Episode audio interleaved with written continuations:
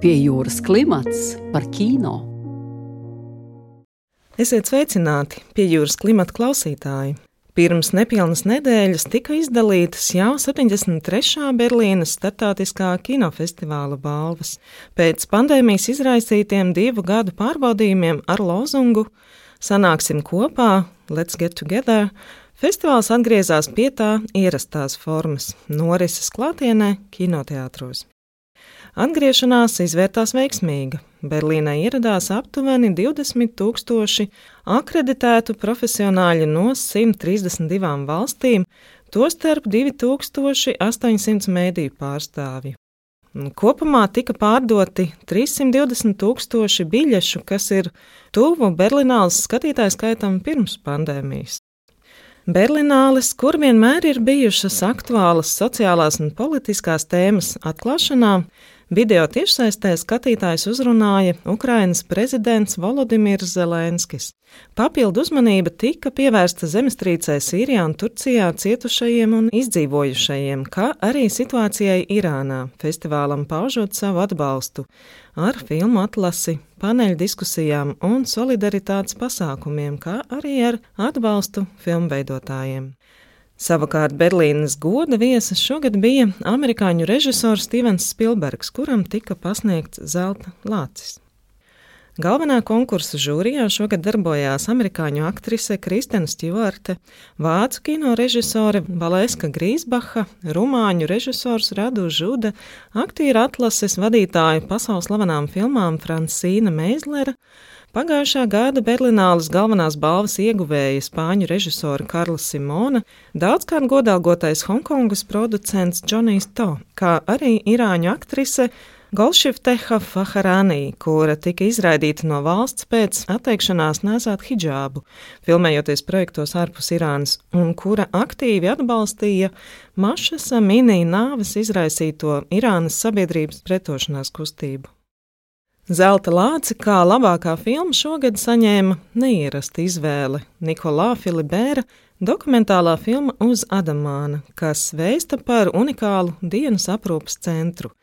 Tā ir peldoša būve sēnes vidū, Parīzes sirdī, kas piedāvā attēlpas brīdi ļaudīm ar garīgi rakstura traucējumiem.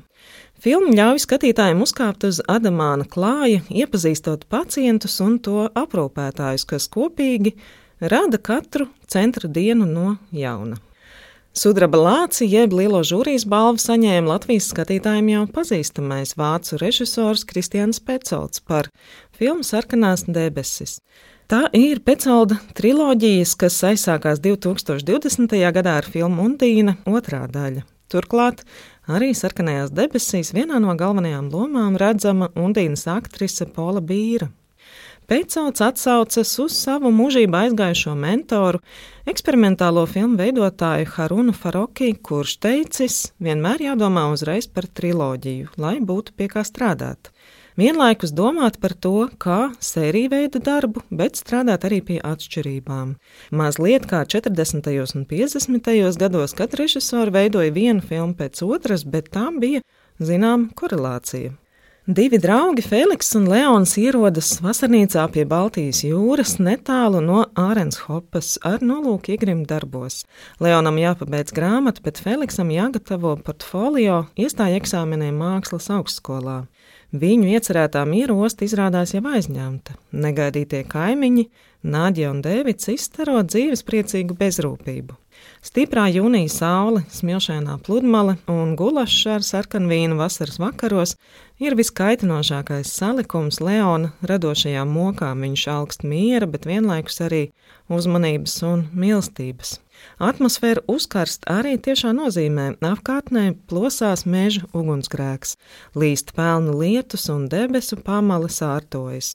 Pēcauts noskaņu raksturo šādi.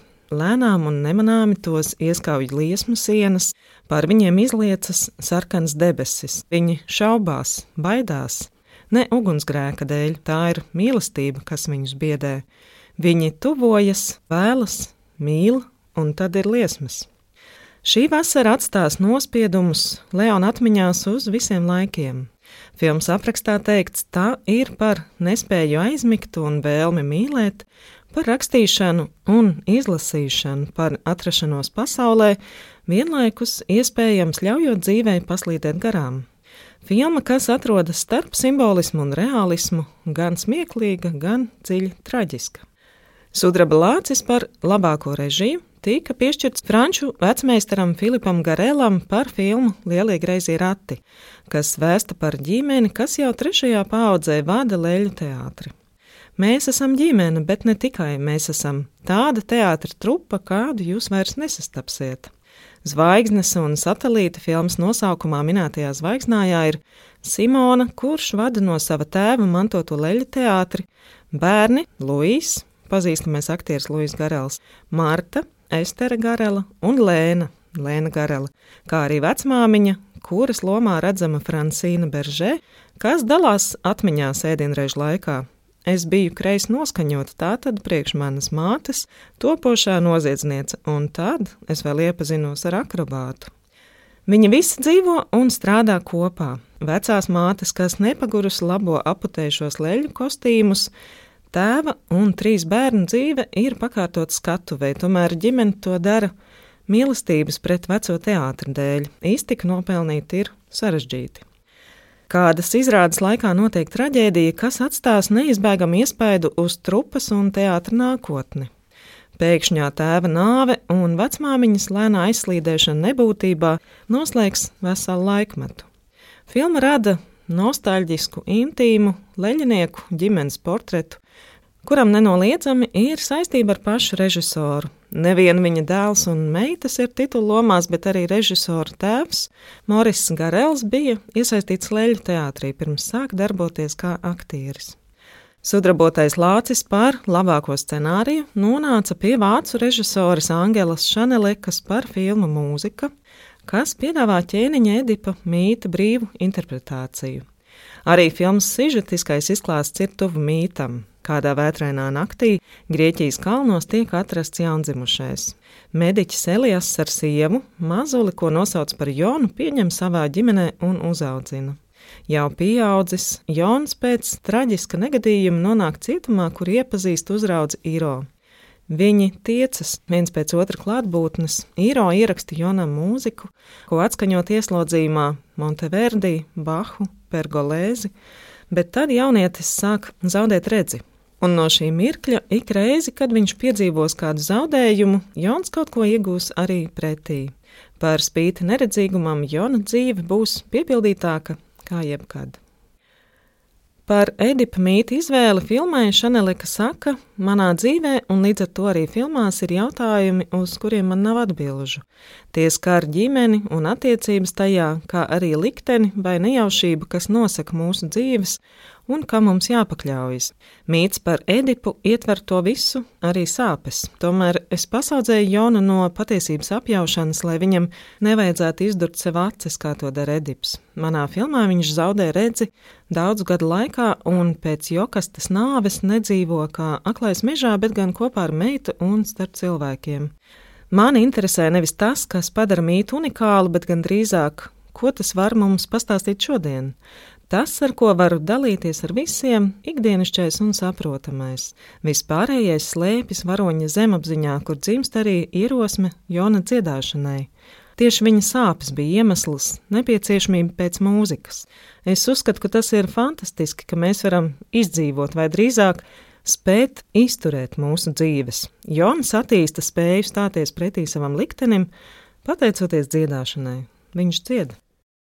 Par barokāli postmoderno kino nodēvētā filma ir atkarība izraisošs intelektuāli juteklisks piedzīvojums, ko teju kā ritmiskā struktūrā ieskauj ainas gan cietumā, gan ierakstu studijā, kurās Jona, lomā redzams kanādiešu aktieris un mūziķis Aljoha Šneiders, neticamā pieklusināti skaistā balss izvīs cauri gan Dāga ķēlī, gan pazīstamām baroka melodijām. Mūzika ir tā, kas piešķir filmas skatījumam īpašo nosacītības, atsvešinājumu distanci, no kuras vērot Teju neizsakojamā sižeta pārliecienas no Grieķijas kalniem un pludmalēm uz Berlīnas ezeriem un no 20. gadsimta 80. gadiem līdz mūsdienām. Spožā saule, baltie akmeņi, visaptverošs pēcpusdienas naudas klusums un asie ērkšķi klinšu spraugās veido filmas scenogrāfiju.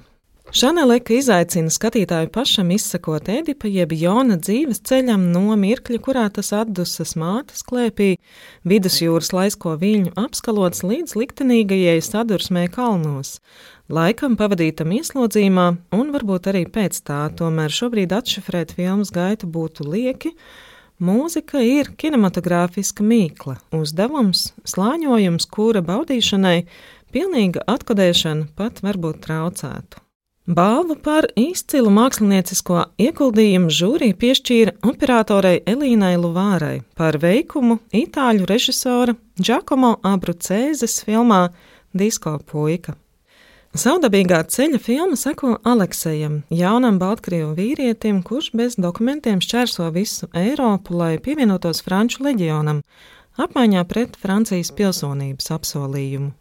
Viņam nav ko zaudēt, izņemot pašu dzīvību, Alekseju spēlē izcilais vācu aktieris un dejotājs Frans Rogovskis, kura spējas filigrāni pārvaldīt tik katru ķermeņa stīgu sniegušas būtisku ieguldījumu šīs ļoti labu fizisko formu un vienlaikus ievainojamību pieprasošās lomas izveidē.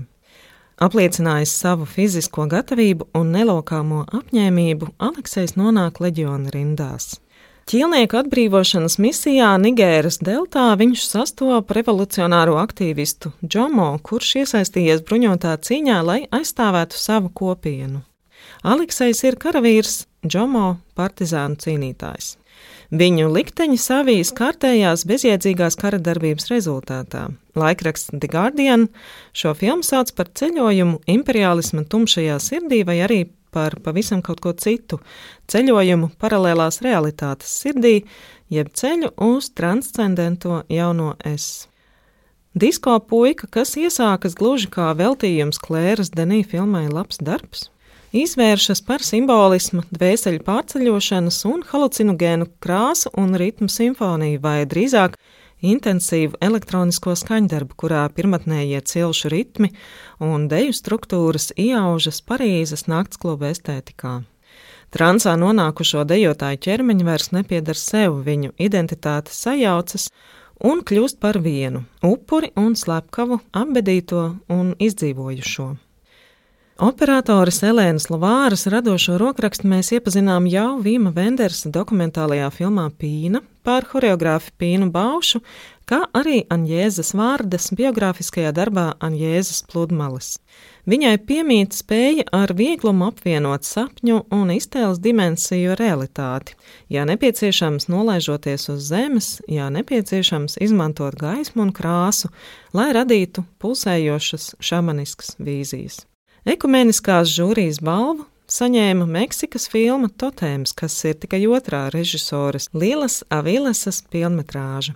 Savā debijas filmā Istabene Avilesa par darbības vietu izvēlējās ierobežotu telpu, viesnīcas istabu, un līdzīgs paņēmiens redzams arī šoreiz. Totēma kino telpa ir plaša māja, kurā draugi un rādi visas dienas garumā pulcējas uz dubultu rituālu Smagi slimā gleznotāja Tonas dzimšanas dienu un reizē atvadu svinībām. Gaisā ir jūtams, viņa izcišana ir vien laika jautājums. Arī filmas dvēselē valda dualitāte. Gatavošanās jēga un svinību spontanitāte sevī nes arī filmas nosaukumā minētā totēma, arhaisko un garīgo dimensiju. Tona novājinātais ķermenis sākotnēji ir neredzams, aizsargāts, guļam telpā, kur jaunais vīrietis cenšas sakopot spēku svinībām, kurās viņu sagaidīs vispārēja mīlestība un atbalsts pirms došanās pēdējā ceļojumā. Virtuvē iet karsti, Tonas māsas gatavo cienastu, mazgā matus izlietnē, kamēr vannas istaba ir aizņemta. Kāda mazā radiniece omulīgi sēž uz leduskapja kopā ar kaķi, vērojot lejā notiekošo. Tonas tēvs gatavo savu atvadu dāvanu, gadiem rūpīgi koptu pundurkociņu, ar šķērēm īsinot nepaklausīgās pazarītes. Tikai Tonas meitai, septiņgadīgajai solai, ir grūti atrast sev vietu minori iekrāsotajā svētku priekšdarbu virpulī, turklāt viņa tik ļoti augsts satikt tēti. Avilesas režijas paņēmienam uzlūkojot dzīves un nāves pārēju no bērnu perspektīvas, piemīt rietumu sēru kultūrai svešāds gaišums. Totēma pasaulē, gatavojoties tuvinieka zaudējumam, nav vietas dziļām, ārdošām skumjām un ciešanām. Šī filma ļauj ielūkoties nebūtnē ideālas ģimenes kodolā, kura, par spīti visam, kopā kļūst stiprāk, pieņemot neizbēgamo. Totēma kadram piemīt īpašs siltums operatoram Diego Tenorio, uztverot saules staru spēles un kūkas svecīšu maigu atspulgu, kas izgaismo solas seju. Startautiskās kinokritiķu asociācijas Fipresī balva aizceļoja pie Austrālijas autora kino meistara Rolfa de Hēra metaforiskās pasakas par postkoloniālismu nepārējošo ļaunumu ēnu laipnības izdzīvošanu. Filmas ievada epizode atgādina Dāvis Īmaņa dokumentālās filmas Mūris pirmos kadrus. Tajā redzama no plastilīna vai līdzīga materiāla veidota miniatūra ēka, ap kuru aug mazi kociņi un atveidot arī cilvēku ķermeņi nedabiskās pozās. Tikai, ja mūrī tā bija mūzeja ekspozīcija ar pierobežas ainu pēc ienaidnieku uzbrukuma, tad Rolfa Dehēra filmā tā izrādās kūka, kuru priecīgi ņurdēdami griež gabalos gāzmas kā stērpti stāvi. Visa distopiskā laipnības izdzīvošanas pasaule dalās divās daļās - gāzmaskās tērptie baltādainie, apspiedēji un pārējie dažādas ādas krāsas ļaudis, kas redzami ieslodzīti, saķēdēti vai dzīti pa mežu līdz nošaušanai iekšpagalmos. Kad gāzmasku cilvēki pabeiguši mieloties ar kūku, viņi dodas sētā, kur kāda sieviete stāv ieslodzīta šaurā, restotā autopiekabē. Filmas, kas teju iztiek bez teksta, galvenā varone, kas saukta vienkārši par melno sievieti, jeb black woman, ar visu būri tiek aizvesta un atstāta bezgalīgas, tūkstošainas ieplakas vidū, tieši zem dedzinošās saules stariem. Apkārt nav ne mazāko dzīvības pazīmi, tikai skudras, kas karstuma apdulinātas, gatavas nokost vienotrai galvu. Melnā sieviete tomēr atrod veidu, kā atsvabināt būras krūves. Viņa dodas uz kādreizējo māju vietu, gar dažādām apakaliptiskām ainām, bet viņas ceļš, metot lokus aizvien tālāk un tālāk nožēlojamajā varmāku pasaulē, visbeidzot viņu atved atpakaļ pie būra.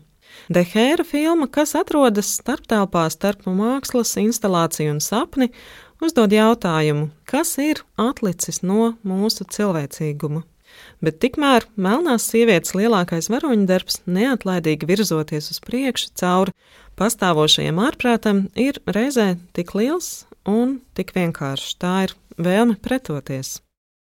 Neraugoties uz kaitinošajiem lietus mākoņiem, kas cītīgi mērcēja kinomīļus dinamiskajos pārskrējienos starp kinoteātriem, 73. Berlināla ir pārliecinoši kliedējusi drūmo prognozi par kino skatīšanās paradumu, neatgriezeniskajām pārmaiņām par labu divānu kino. Mēs joprojām augstam satikties kinoteātrī un pieredzēt kino uz lielā ekrāna, visiem kopīgi čabinot konfekšu papīrīšus, grabinot klepus dražēju kārpiņas, viegli iesnāžoties vai sirsnīgi smejoties, reaģējot uz ekrānā redzamo.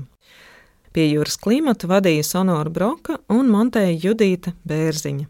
Rādījums tapis ar valsts kultūra kapitāla fonda atbalstu.